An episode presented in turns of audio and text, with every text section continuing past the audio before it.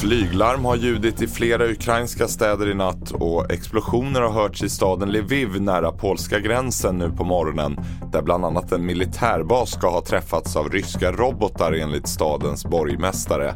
Vi hör utrikeskommentator Lisa Grenfors berätta mer. Platsen är ju alltså bara cirka tre mil ifrån den polska gränsen och det som har hänt i natt är ju alltså att beskjutningen som har pågått har rört sig längre västerut än vad det har gjort tidigare.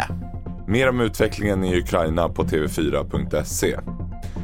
En man i 20-årsåldern har skjutits av polis i samband med ett ingripande i centrala Malmö i natt. Mannen som är misstänkt för grovt vapenbrott fick allvarliga men inte livshotande skador enligt polisens vakthavande befäl. Polisens agerande ska nu undersökas av särskilda åklagarkammaren.